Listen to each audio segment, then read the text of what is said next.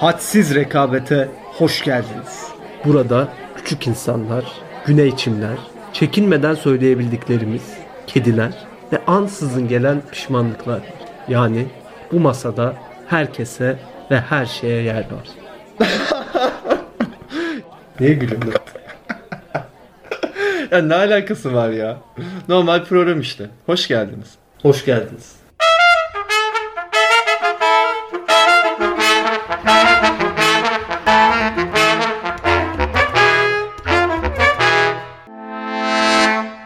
Hamitçim selam. Merhaba hocam.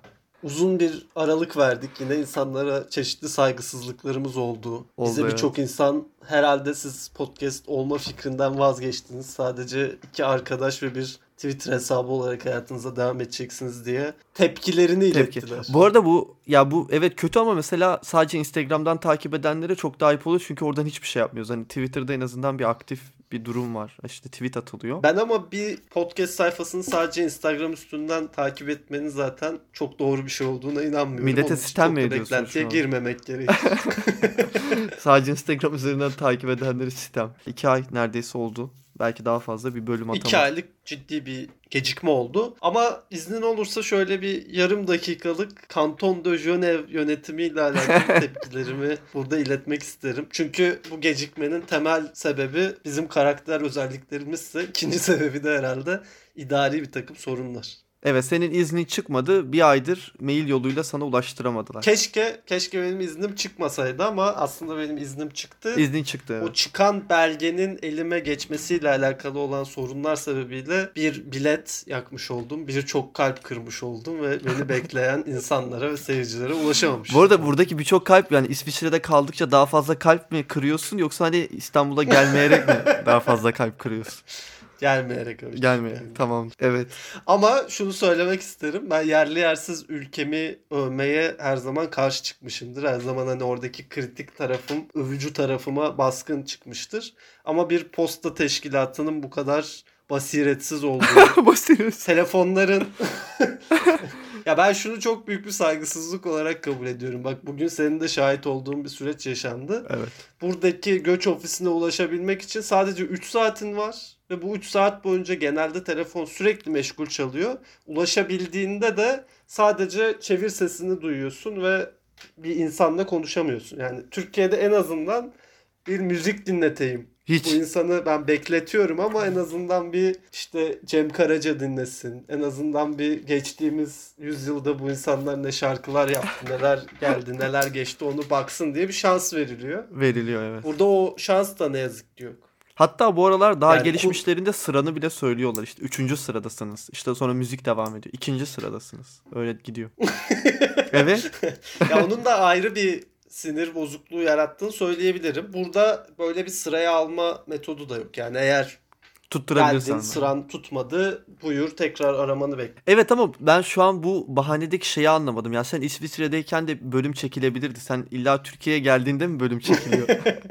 Dolayısıyla bence Ama ben bu bahane kabul edilmiyor değil. yani. Şimdi biliyorsun ki bir bölüme hazırlanmak, yeni bir şey üzerine konuşmak aynı zamanda psikolojik olarak da kendi ayaklarının bastığı yerden emin olmayı gerektirir için. Ama bazı tam Ben tersi yarın- bazı sanatçılar o kaostan beslenirler ve o ayağı yere basmamazlıktan ilham alırlar. Yani bu sende Doğru, böyle ben bir durum yok o herhalde. tür sanatçılardan değilim. yani yarın nerede uyanacağım, yarın hangi idari sınırlar içerisinde gözümü dünyaya açacağımı bilmeden insanlara bir şeyler söylemek beni zor duruma düşürüyor. Demek ki. Ne yazık ki. Neyse yani biz bu artık durumu kabullendik ve 2020 yılında 20. bölümü e, çıkartabilmek için artık kolları sıvadık. Sen İsviçre'de Evet, olsan da İstanbul'da olmasan da. Önemli bir olay oluyor. 20 20 20 şeklinde bir üçleme var. Evet var. Birçok insan biliyorsun evlilik tarihleri, çocuklarını dünyaya getirmeleri için bu tür özel günleri seçiyorlar. Biz eğer 20. bölümü 2020'de çıkaramasaydık öncelikle bu insanlara bir saygısızlık olurduk ki belki bu insanların bir kısmı bizim dinleyicimiz veya potansiyel dinleyicimiz. Evet. Ben onun için bir saygısızlık yapmak istemem Ama açıkçası. senin genelde bu tip batıl inançlara karşı böyle bir saygıya sahip olduğunu söylemek Hayır ben katılmıyorum. Yani seninle de daha önce konuştuk. Aslında bu tür tarihlere özel bir sembolik anlam verilmesinin sebebi onluk sistem. Aynen. Yani onluk şayet sistem. biz yedilik bir sistemin içinde olsaydık mesela. Gerçi yedilik sistemin içinde olsaydık bu takvim sisteminin de değişmesi gerekiyordu. Onun için nasıl bir ayrı sembolik düzenini tutturabilirlerdi onu bilmiyorum. Ama en azından 20-20-20'nin bir önemi olmazdı. Yani evet olmaz. Hatta mesela şöyle 10 kötü mesela daha az bir sayı olsa mesela 3 olsa 4 olsa bu 3'ü ve 4'ün deviri daimi daha kolay olduğu için bu tip günler daha fazla sık olacak aslında yani. Mesela daha evet, çabuk. Ve bu belediyelerin de işine gelir. Çünkü bu günler üzerine aşırı bir talep oluyor. Kimseyi memnun edemiyorlar. Evet yani mesela ayda bir kere yerine sıfırlansa işte 3 kere sıfırlansa üçlük sistem ve 10 kere sıfırlansa düğünleri rahat bölersin. Çocuklar daha rahat dolar. Çok doğru. Yani Aynı daha kolaylık olurdu. Mesela 365 günde uzun. uzun. Mesela 90'lık falan seneler olsa herkes mesela 3 ayda bir doğum günün olur. Hatta şey de olur yani. Şey de güzel ayda olmaz bir mı? yeni yıla girersin. Evet. Yani tatil sayısı artar. İki şu da olur. Mesela kaç yıl yaşadın kardeşim? Yani 3 ile çarpacaksın, 4 ile çarpacaksın. Normalde 70 yaşında ölüyorsun. 350 kere yaşadım diyeceksin yani sene daha kısa Doğru olduğunda. ki bu köpek yaşıyla alakalı genel olarak zorluklar oluyor hesaplanırken. Bir, bu köpek kaç yaşında gibi sorular sorulduğunda hep benim gördüğüm muhabbet bir 10-15 dakika bunun hesaplanmasına harcıyor. Ya aslında onu basit 7 ile mi çarpıyorlar? Bir şeyle çarpıyorlar normal seneyi. Çünkü köpek daha çabuk büyüdüğü için herhalde. He tamam biz zamanı kısaltsak iyice aramızdaki fark açılıyor değil mi? Evet. Onu yapmamak lazım. Aynen. Önce köpeklerde reforma gidilip daha sonrasında insan köpek bütününün toplu reformu daha mantıklı. Evet yani bu olur. köpekler niye 10 yaşında 15 yaşında ölüyor? 50 yaşında ölsünler mesela en azından rakamsal olarak. Belki psikolojik psikolojik olarak da bunun bir rahatlığı gelir. Senenin uzun olmasının sıkıntıları da var. Yani mesela diyorsun ki ben bu işte bir sene kalayım. Veya diyorsun ki ya Doğru. Bu işi de işte Sen daha yeni işe girmiş bir insan olarak böyle açıklamalar yapma. ama. Yok ben şu an iş yerinden de dinleyen olabilir. Ben iş yerinde uzun seneler çalışmayı planlıyorum.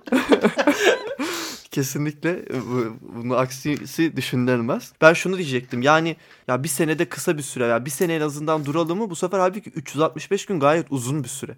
Mesela bu 100 gün olsaydı sen bir sene duralım dediğinde 100 günün gidecekti. Çok daha Çok mantıklı doğru. yani. Çok daha mantıklı. Birçok insan hani 2020 artık bit gibi şeyleri hani Mart, Nisan gibi seslendirmeye başlamıştı. Evet. Bir, bir süre sonra bitse, Mart'ta verilen dilekçe işte Mayıs gibi kabul olsa birçok insanın dileği gerçekleşmiş bu sene özelinde. 2020'nin genel olarak problemler oldu ama kendi içinde de böyle bölümleri vardı. İlk de Avustralya'da yangınlar oluyordu. işte başka şeyler oluyordu. Sonra orada Çin'de biraz virüs başladı geldi buralara. Farklı arklar var yani kısımlar var. Bu kısımların hepsi birer sene olsaydı kendi içinde anlamlandırılabilirdi. Şimdi topyekün 2020 böyle Allah'ın belası bir şeymiş gibi düşünülüyor yani. Doğru. Yani sen deprem oldu veya işte yangınlar başladı hani bu seneyi kapatalım. Hani bu seneye anlamını veren olay bu olsun. Yeni bir Bitti. seneye başlayalım. Yani ben tabii ki burada çok dinamik bir sistemden bahsetmiyorum. Önemli bir olay olduğu an seneyi bitiriyoruz. Hadi arkadaşlar diğer seneye geçelim. Kotamız doldu değil de. Ama mesela bu kime zararı olur? Tarihçilere. Şimdi diyorsun ki 1071 yılında ne oldu? 1071 yılını sen ona bölersen orada bu sefer tarih işin içinden çıkamaz Doğru yani. evet. Hani hangi 1071? Evet. Ben de kendi mesleki grubumu savunmak adına burada pozisyon değiştirip buna karşı çıkmaya Hemen çok çabuk değiştirdi ama şu an pozisyonu. ben bunu kabul etmiyorum. Sınıf bilincim, mesleki ve sınıfsal bilincim depreşti ve karşı çıkmaya karar İşte verdim. çıkar çıkar gruplarının zaten herhangi bir değişiklikteki pozisyonları da genelde böyle belli oluyor. Evet. Sen de sen buna uyarak beni şaşırttın ama bir insan olarak da buna uyduğun için beni şaşırtmadın Can. O yüzden bir şey diyemiyorum.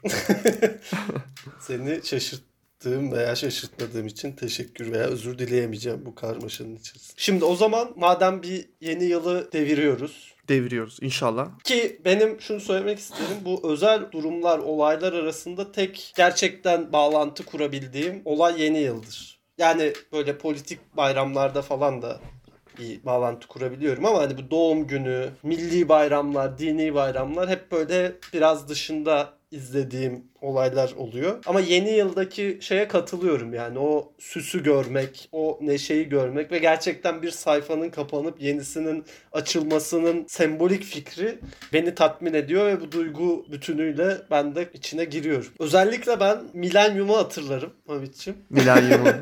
Büyük büyük bir milenyum coşkusu olmuştu. O milenyum coşkusundan itibaren ben bir daha bu ruhun dışına çıkamadım ki e, benim çocukluğumda hani daha çam ağaçları kurulur. Altlarına işte çeşitli armağanlar e, yerleştirilir falan. O neredeyse biz bir Hristiyan aileymişiz cesine. Bir tek işte şeye gitmiyorduk. Noel Noel ayinine falan gitmiyorduk. Onu da canlı izliyorduk. Onun dışında her şey bütün dini vecibelerimiz gerçekleştiriliyor. Ya Allah kabul etsin. Ne güzel. Evet yeni yıl bana da öyle geliyor. Ya bir de oradaki olay şu yani herkesin zorunda olduğu bir şekilde sonuçlarını aslında katlandığı bir şey. Mesela ajandada bile bir rakam artıyor. Yani 2019 2020 oluyor. 2020 2021 oluyor. İlginç mesela her şeyde böyle bir zorunluluk yok yani. Onun sonucu seni etkilemiyor her şey. Bir kere doğum günü zaten çok Allah. kişisel. Ama milli bayramların da öyle direkt bir neticesi yok aslında fiziksel olarak bile yani. Bir de işte şimdi bunun bir gerçekliği yok tabii ki ama insanın kendisiyle alakalı kararlar alması veya böyle kendisiyle alakalı bir muhasebede bulunması için basamaktan bir basamağa çıkış bir sembolik kesite sahip olmak bence gerekli bir şey. Yani şunu yapa yani tabii ki yapabilirsin ama daha zor bir şey. Yani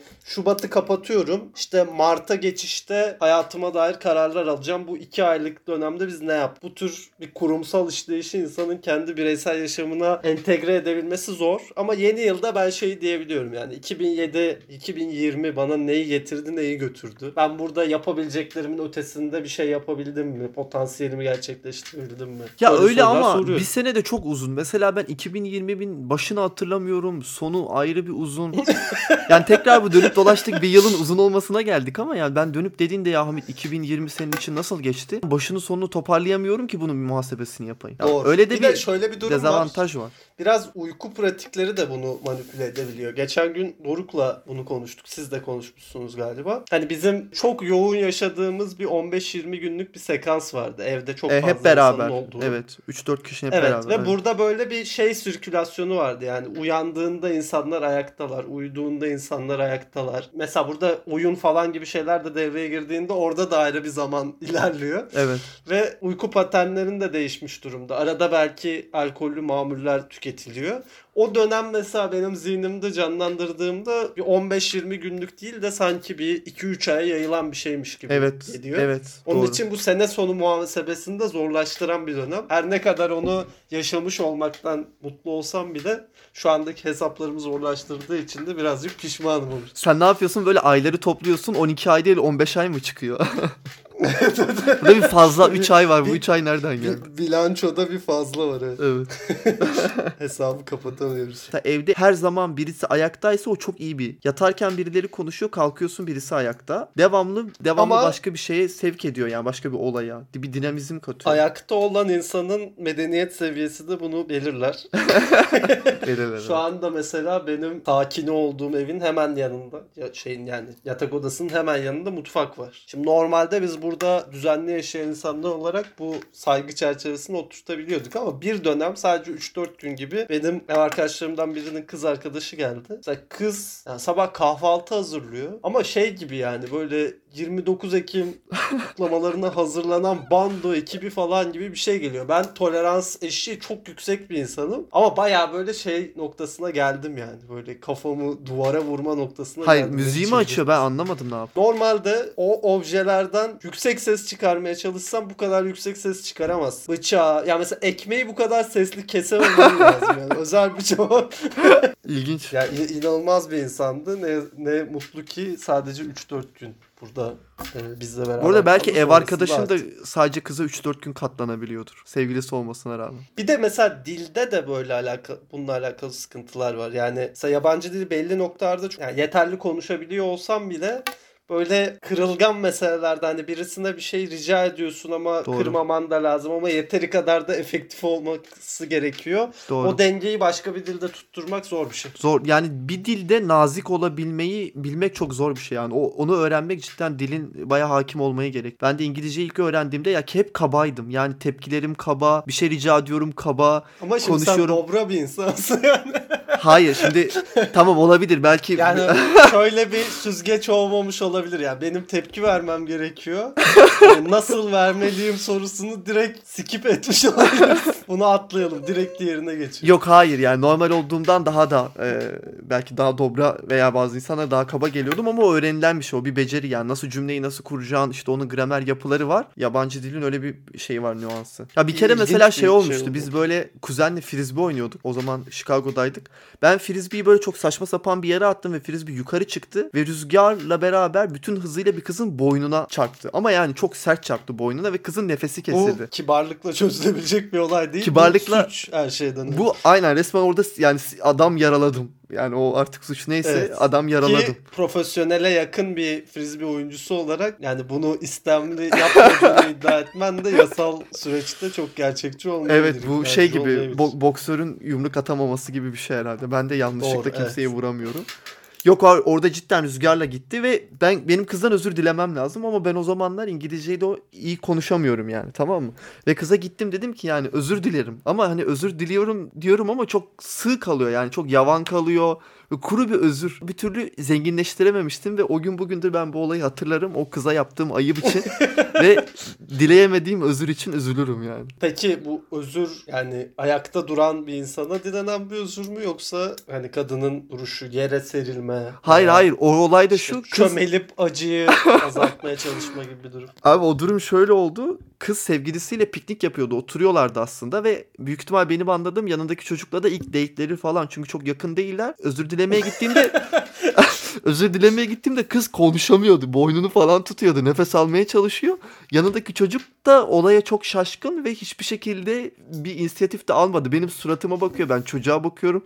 Kıza diyorum özür dilerim falan ama çok salakça bir durumdu ve ve kız orada mesela herhalde yanındaki çocuktan da çekindiği için tam tepkisini de koyamadı. Daha yakın birisi olsa orada ağlardı veya işte ne yaptın falan derdi. Yani çocuk on, bir noktada beni de korumuş olabilir kızın e, Ama hiddetine sen karşı. de onların ilişkisine ya çok iyi bir başlangıç olmuşsundur ya da sonradan da hatırlanacak olumsuz bir yani mesela kız şey demiş olabilir. Ya sen zaten ilk gün bile beni işte hiçbir zaman savunmamıştın, korumamıştın demiş olabilir. Ya orada bir Veya Evet. hani ilk günde bile şeyi ortaya çıkarmış olabilir. Yani çocuğun normalde o kadar ortaya çıkmayacak bir şefkati ilk günde ortaya çıkıp kurulmayacak bir ilişkiyi kurmuş olabilir. Bu kader ağlarını olabilir. orada öyle örmüş. Olabilir. Bu bana bir kere şeyde de olmuştu. Bu hani İstanbul'a bir dolu yağmıştı bundan 4 sene önce. Böyle her Evet. yer bir anda kapkaranlık olmuştu böyle işte arabaların bütün camları. Ben o esnada bu Galatasaray Üniversitesi'nin oradaki yoldaydım. Bir sarnıç gibi bir şeyler oluyor yolun üstünde. Onun altına girdik ve orayı su basmaya başladı. Çok ilginç.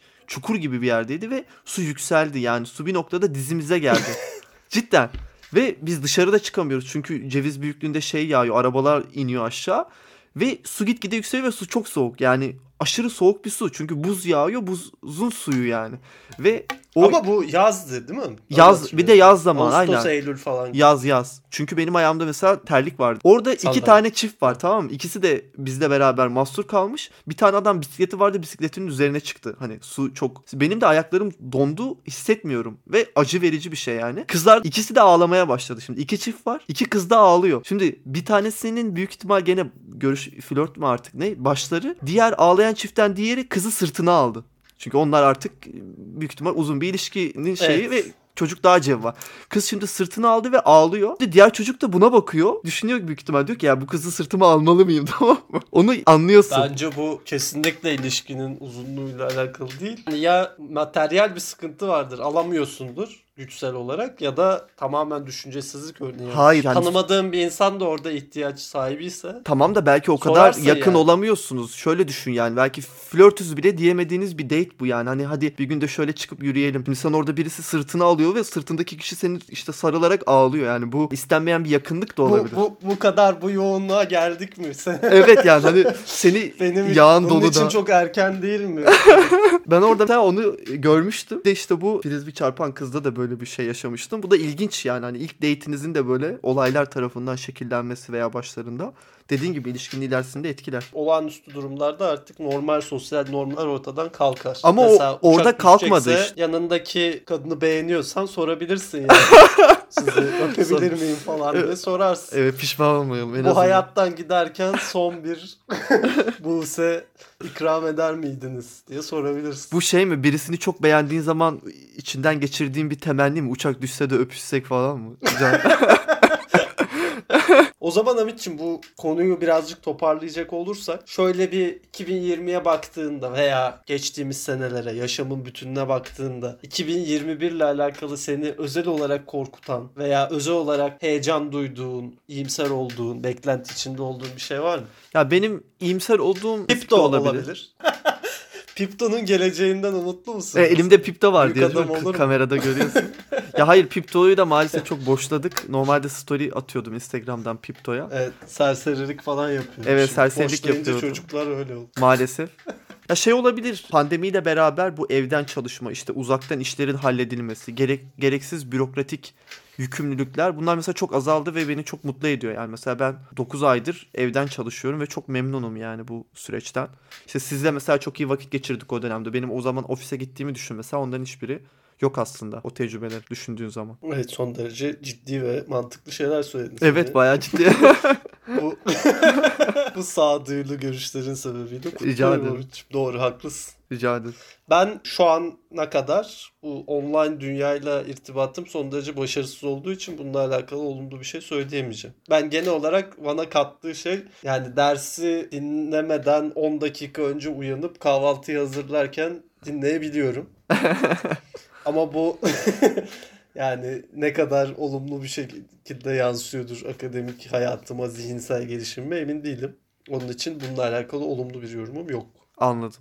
Olumsuz yorumun ne ol- olumsuz yorumun var ki soruyorsun. Olumsuz yorumum var. 2021 ile alakalı benim en çok korktuğum şeylerden bir tanesi Hamit. Birçok şeyden korkuyoruz. Çok güzel bir gidişat yok genel olarak ama en çok beni korkutan şeyi söylüyorum. Bu alternatif inanç biçimlerinin, ritüellerin, Evet. inancımsı e, unsurların inanılmaz düzeyde hızlı bir şekilde yükselmesi ve Popülerleşmesi. normalde popülerleşmesi ve şu şekilde popülerleşmesi sürekli insanda aa sen de mi gibi bir etki yaratacak şekilde beklemediğin insanların da bu Tuzağa düşmüş e, olması. inançsal unsurların içerisine girmesi. Evet. Öyle bir ifade şimdi ben kullanmayayım.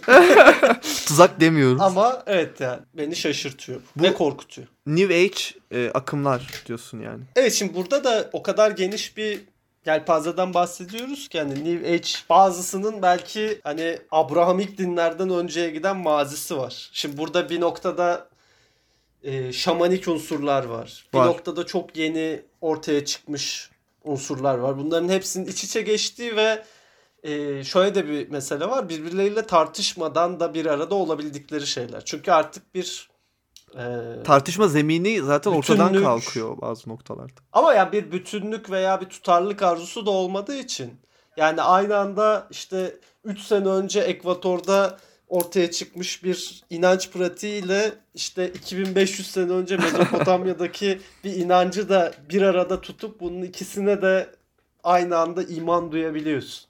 Evet. Ve bu bir çelişki olarak görülmüyor. Çözülmesi gereken bir şey olarak görülmüyor. E, bu problem olarak görülmüyor daha doğrusu. Çelişki evet. yani sistemin içine çelişkiyi soktuğun anda ondan sonrası Allah kerim öyle diyeyim yani. Şimdi zemin de gidiyor yani normalde çünkü mesela bu temel mantıkta da bir vardır sıfır vardır ve bir şey hem bir hem sıfır olamıyor yani genel olarak. Temel bir düşünce fikrinin en temeli de budur. Tamam bunun işte kuantumla alakalı gelen bazı noktaları vardır ama temeli budur ve bunu kabul ettiğin zaman bir insanla aslında tartışmaya veya bir argümantasyon üretmeye gidebiliyorsun. Eğer bir insan çelişkiyi de sistemine soktuğu anda zaten senin herhangi bir noktadaki bir problemi veya o örtüşmeyen unsurları göstermen hiçbir şey ifade etmiyor. Evet yani zaten var olabilir. Hayatta böyle bir şey. Diye Doğru. için içinden sıyrılıyorsun. O da ki bir de şey var. Böyle holistik e, iddialar var. Yani eğer bir görüş holistik her şeyi tek bir merkeze indirip indirgeyip oradan açıklamaya çalışıyorsa bunun herhangi bir olaya herhangi bir cevabı olabiliyor. Mesela bugün astrologlar var. Adamlar öyle bir sistem koymuşlar ki adam ekonominin astroloğu var. Dolar çıkıyor adam Mars'la açıklıyor. Sen işte sevgilinden ayrılıyorsun. Jüpiter'in e, sağa dönmesiyle açıklıyor. İşte deprem oluyor. Eksen eğikliğinin işte Güneşle Uranüs arasındaki açısıyla açıklıyor.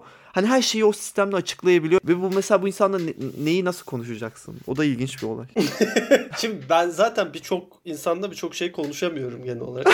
Ama bunun sebebi senin Tolerans düşüncelerini. Hayır buradaki problem şu. Sen bir noktada düşüncelerini açıkça söyleyemediğin söylemediğin için o konuşma o tandansta ilerleyebiliyor. Senin bir noktada duruşunu da söylemen lazım. Arkadaşlar yani siz bana bunu anlatıyorsunuz ama bakın belki de böyle değildir diye o içinde dönen fırtınaları yansıtmıyorsun ve bu bir problem bence. Ha, ama mesela burada şöyle bir sıkıntı var zaten. Şimdi ana akım dinler ve onların işte yarattıkları kimliklerle bu tür inançlar arasında bir farklılık var. Çünkü bir insan mesela ben Müslümanım dediğinde, ben Hristiyanım dediğinde az buçuk yani %100 olmasa bile bu dinin bir takım düsturlarını savunma ihtiyacı hissediyor. Yani çünkü buna aynı zamanda doğru olduğuna inandığı için Okey, benimsediğine tamam. dönük bir kabul var. Tamam. Şimdi bu tür inanç pratiklerinde bu da çok daha gevşek. Şey kimdi? Pascal mı diyordu hani yani ben inanıyormuş gibi yaşayayım da varsa sakata gelmeyelim falan gibi bir argüman var. Evet evet. Şimdi biraz buna yakınsayan bir şekilde hani ben Dolunay'ın benden beklediklerine de cevap vereyim. İşte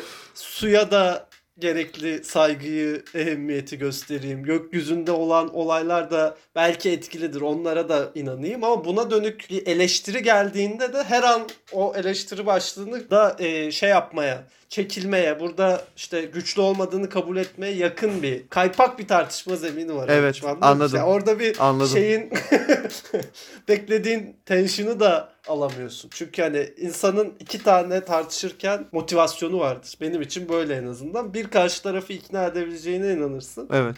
Burada ben çoğu zaman inanmıyorum. İkincisi de karşı tarafı rahatsız etmekten dolayı da keyif alabilirsin. Güzel. Veya karşı tarafı rahatsızlığın üzerinden üçüncü kişileri ikna edebilirsin. Onu işte soktuğun durum üstünden filan. Burada Evet. hiçbirisi gerçekleşmiyor. Maalesef. Burada sadece mizahi bir diyalog kur- kurulabilir bence. Mizahi diyalog da kırıcı olabilir. Yani ama zaten kırıcı her türlü olabilirsin. Doğru. Mizahi diyalog kurulabilir.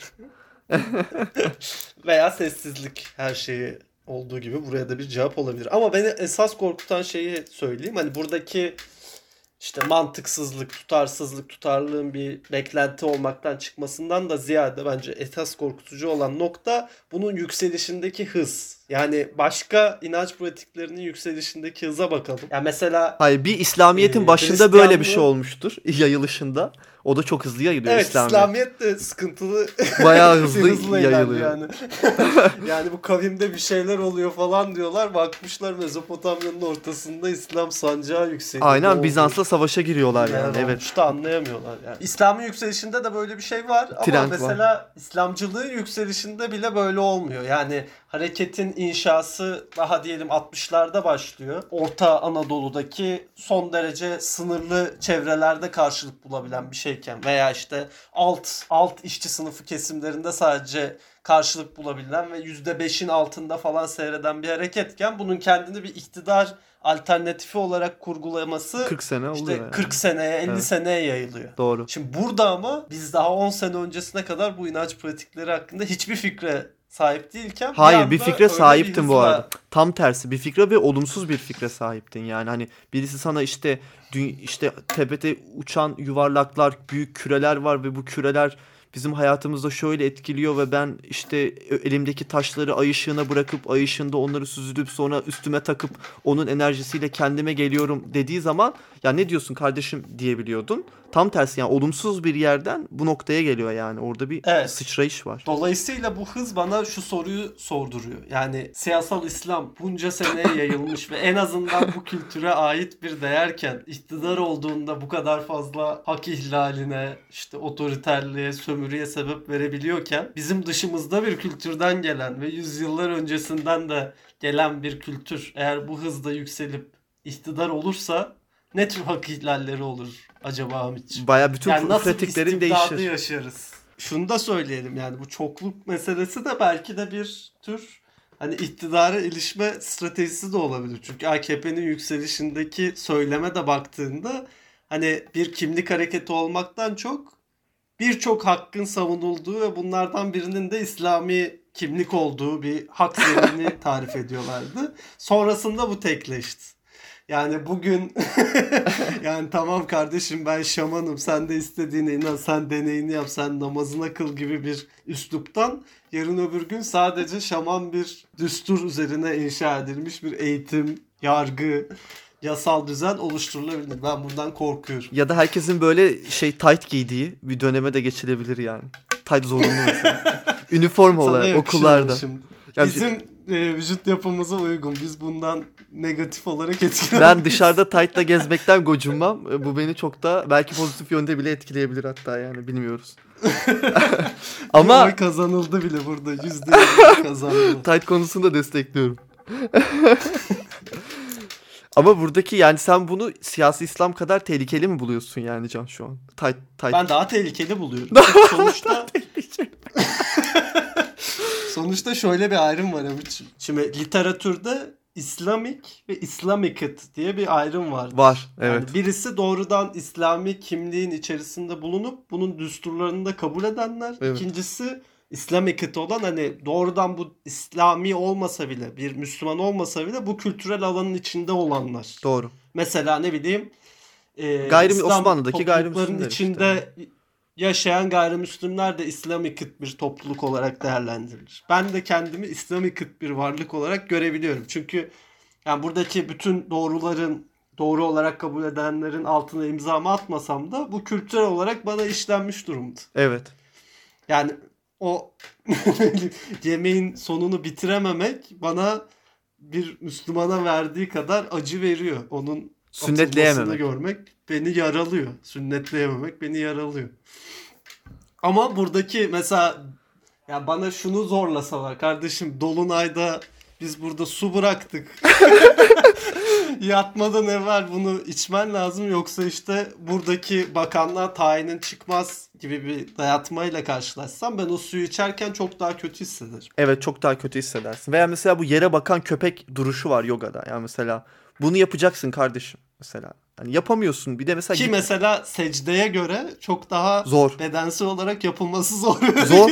Yani aynen şimdi İslam'ın öyle bir avantajı da var yani. Namaz dediğin pratik çok temel hareketler ve çok basit. Yani 3 yaşındaki çocuk da yapabiliyor, 70 yaşındaki dede de yapabiliyor. Ben hatırlıyorum mesela bizim bir arkadaş bir kere bir yoga yapalım dedi bize. Bir de yoganın sonucunda türleri var. Bu da yani vücudu çok yoran bir yoga. Ben yarım saat dayanamadım yani 20. dakikada nefes alamıyordum. Dolayısıyla O senin bu performansına bakanlıkta iş bulabilmen imkansız. bir Yani anca alternatif inanç istibdatında zor. o ben anca çay falan Sen şimdiki durumunu yaparım. korursan iyi. Yo, şimdiki durumu Veya gayet. iyi. mesela veya daha da tehlikeli olan bir şey mesela pozitif düşünme fikri. Şimdi Devamlı kendi pozitif. olumlu bir şeymiş gibi duruyor aslında. Hani iyi bir şey biz de olumlu düşünelim. Belki hani illa bu olumlu bir şey yaşamamıza etki etmese bile en azından hani psikolojik olarak kendimizi iyi hissederiz denebilir. Ama bunun bir zorlama haline gelmesi bence çok daha yıkıcı bir şey. Bayağı. Ben mesela gerçekçi bir insanım. Pozitif, negatif değil ne varsa onu düşüneceğim kardeşim. Adam gibi Ama adam. illa Nasıl bir nasıl bir söylem bu ya? Evet, dobra doğru. Doğal birisi. oradaki realizmi törpülemeye çalışırlarsa benim karakterim de o törpüyle beraber aşınır. Hamit'ciğim. Onun için ben bundan korkuyorum. 2021 inşallah bize bir e, New Age istibdat getirmez. Getirmez. Bir de mesela yani son olarak belki mesela ben şeyi de anlamıyorum. Zaten hayatımızda mesela e, bizim bir sürü bilinmezlik var. Yani sen İstanbul'a dönmeye çalışıyorsun son bir aydır. O mail getiren adam postacı sana onu geciktirdiği için veya artık o doküman sana gelmediği için bir aydır bütün hayatın değişti. Sınavlardan aldığın evet, sonuçlar çünkü değişti. şey de olabiliyor. İyiye doğru değişti bu arada. Onu da altını çizmek Evet isterim ama. dersler Mesela- konusunda. Şöyle mesela zaten bu kadar fazla belirsizlik var. Bu bile beni çok rahatsız ediyor. Bir de sen bunun üzerine mesela bu belirsizliklerin üzerine elinde olmayan retrolara ekliyorsun. İşte oradan e, dolunaylara ekliyorsun. Ayın konumuna ekliyorsun. Orada hayatın akışına ekliyorsun. Şans diyorsun. Nazar diyorsun. Bir sürü böyle şeyleri ekleyince aslında bu zaten senin hayatın üzerindeki etkin inanılmaz az. Daha da az bir noktaya bu sefer iraden de bu, bunu bir de seçiyorsun. Ben mesela bunu anlayamıyorum. Yani bir ilişki kötü gidiyor mesela orada diyor ki ya zaten Jüpiter bu aralar geri geri geri basıyor. Bu geri yaptığı için bizim ilişkimizde şöyle bir problem var diyor o. Sen de diyorsun ki yani hani emin misin bundan olduğunu? Hani belki ikimizin birbirine uyuşmamasındandır. Hayır ya Sen Jüpiter'den. böyle bir diyalog yaşadın mı? Hayır ben böyle bir diyalog yaşamadım çok şükür. Ama şöyle bu trend bir yıl iki yıl daha giderse bizi de vurur yani. Böyle bir diyalog yaşarsın. Doğru. İnşallah böyle bir diyalog hayat bize veya evren bize yaşatmaz. Evren sen şu an Çünkü- zaten gitgide şey olmaya başlamışsın. Evren bize yaşatmaz. Çünkü mesela yine ister istemez İslam yıkıt bir varlık olarak bir İslam'la kıyaslama yapma ihtiyacı hissettim. Mesela İslam'daki kader anlayışıyla buradaki retrolar işte birçok değişkenin olduğu anlayış arasında baktığında da aslında İslam sana bir stabilite sunuyor. Sunuyor. Evet, Yani materyalizm de sana bir stabilite sunuyor. Doğru. Bir şey oluyorsa olması gerekiyordur. Bir şey Tevekkül var orada. başka evet yani orada seni netleştiren, stabilize eden bir şey var. Onun için çok fazla şeyi sorgulamana gerek yok yani. Niye böyle oldu, niye yapamadım vesaire. Ama diğer tarafta sürekli bir anlam arayışı var ve bu bence insanı yoran bir şey. Çünkü Yoran. mesela geçen gün okula gidiyordum. Üç gün üst üste kafası kopuk bir güvercin gördüm. Ama aynı güvercini Yani- görüyorsun. Yani aynı yerde yatan bir güvercindi ama farklı güvercin onu bilmiyorum ama ama kafanın kopukluğu da böyle şey gibi yani Haneke filmi gibi böyle şey değil yani ezilmemiş, kırılmamış sanki böyle usturayla almışlar gibi veya böyle paint'te falan kesilmiş gibi duruyor. Hı hı. Yani çok sanal bir görüntü. Ben bu tür anlam arayışlarına itilen bir bünye olmadığım için hani bunu sorgulamadım. Ama birçok insan eminim ki o güvercini 3 gün üst üste gördüğünde bunu kendi hayatının geleceğiyle veya şu anki durumuyla alakalı bir bağlantı kurmaya götürecek. Evet, kötü bir işaret. İşte bir şeyler oluyor. kötü bir işaret. Bir felaketin Bir şeyler habercisi. O ve bu insanların aksiyonlarını da etkiliyor muhtemelen. Etkiler yani tabii o ki. güvercini gördüğün gün mesela hayatına yeni birisi girdi. Bence bu kötüye işarettir. Evet, İşte- Onu hayatının içine almaman gerekir. Evet. Öyle yorumlanabilir en azından. bu tip bünyeler tarafından. İki bir de mesela en azından bu materyal düzlemde veya işte bu Abramik dinlerde de bir agent var. Yani karşında bir irade sahibi bir şey var ve onunla muhatapsın. Mesela burada kimle muhatapsın? Yani Jüpiter'in ayrı kafasına göre takılıyor. Mars ayrı takılıyor. İşte suyun ruhu varsa o ayrı takılıyor. Dağın ruhu varsa o ayrı takılıyor. Oturup bir Evet, muhatabın yok yani. Sen bir kişiyle muhatap olamıyorsun. Bir milyona bölünüyor o işte bir çokluk var orada.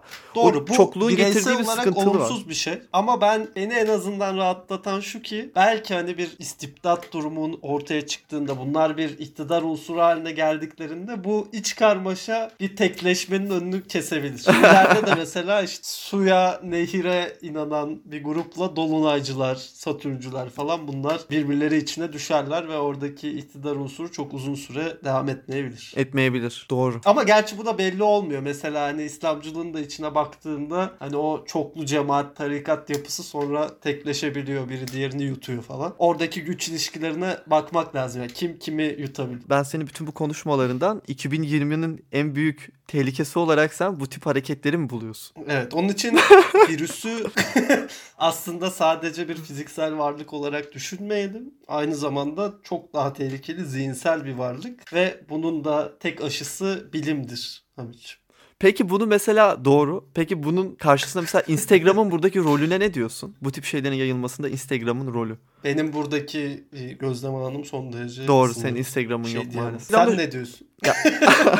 Ha benim aklıma geldi o yüzden şimdi üzerine çok düşündüğüm bir şey değil de buradaki olay şu mesela Instagram'da da yoga üzerinden acayip bir pazar var. Yani bunun eğitmenleri var, eğitimleri var, yoga kıyafetlerini üretenler var. Bir pazarın kendisi var. Bir de mesela yoga kıyafetleri de genelde fiziği de ön plana yani yapışan bir tight sonucunda bütün fiziksel özelliklerin ortada. Bunun üzerinden de mesela cidden insanların da işte devamlı yoga pozlarında bu tight'ları giyip bir sergileme alanı aslında bir seyir Baya tehlikeli bir noktaya doğru. Hayır değil bu gerçek yani. Ve bu mesela cazip de geliyor. Böyle bir sonucunda estetik olan da bir şey. Ve dolayısıyla vitrini böyle olan bir fikirden de korkman lazım yani Can. Çünkü bu çok cazip bir alan. Olabilir. Senin mesela mevcut bakanlar kurulunun estetik standardıyla alakalı rahatsızlıkların vardı. Belki Evet. bu tür bir iktidar değişiminde yeni bakanlar kurulu seni tatmin edebilir. Evet en azından gelecekte bu fikir iktidara gelirse dediğin gibi güzel insanları artık bizi yönetiyor olarak görebiliriz. En azından fiziği düzgün. Daha böyle evet işte bir bakan... Abi şu an inanılmaz yani. Ben kabinede kime bakıyorum? Herkes çok çirkin. Adamın suratına bakamıyorsun. İnanılmaz.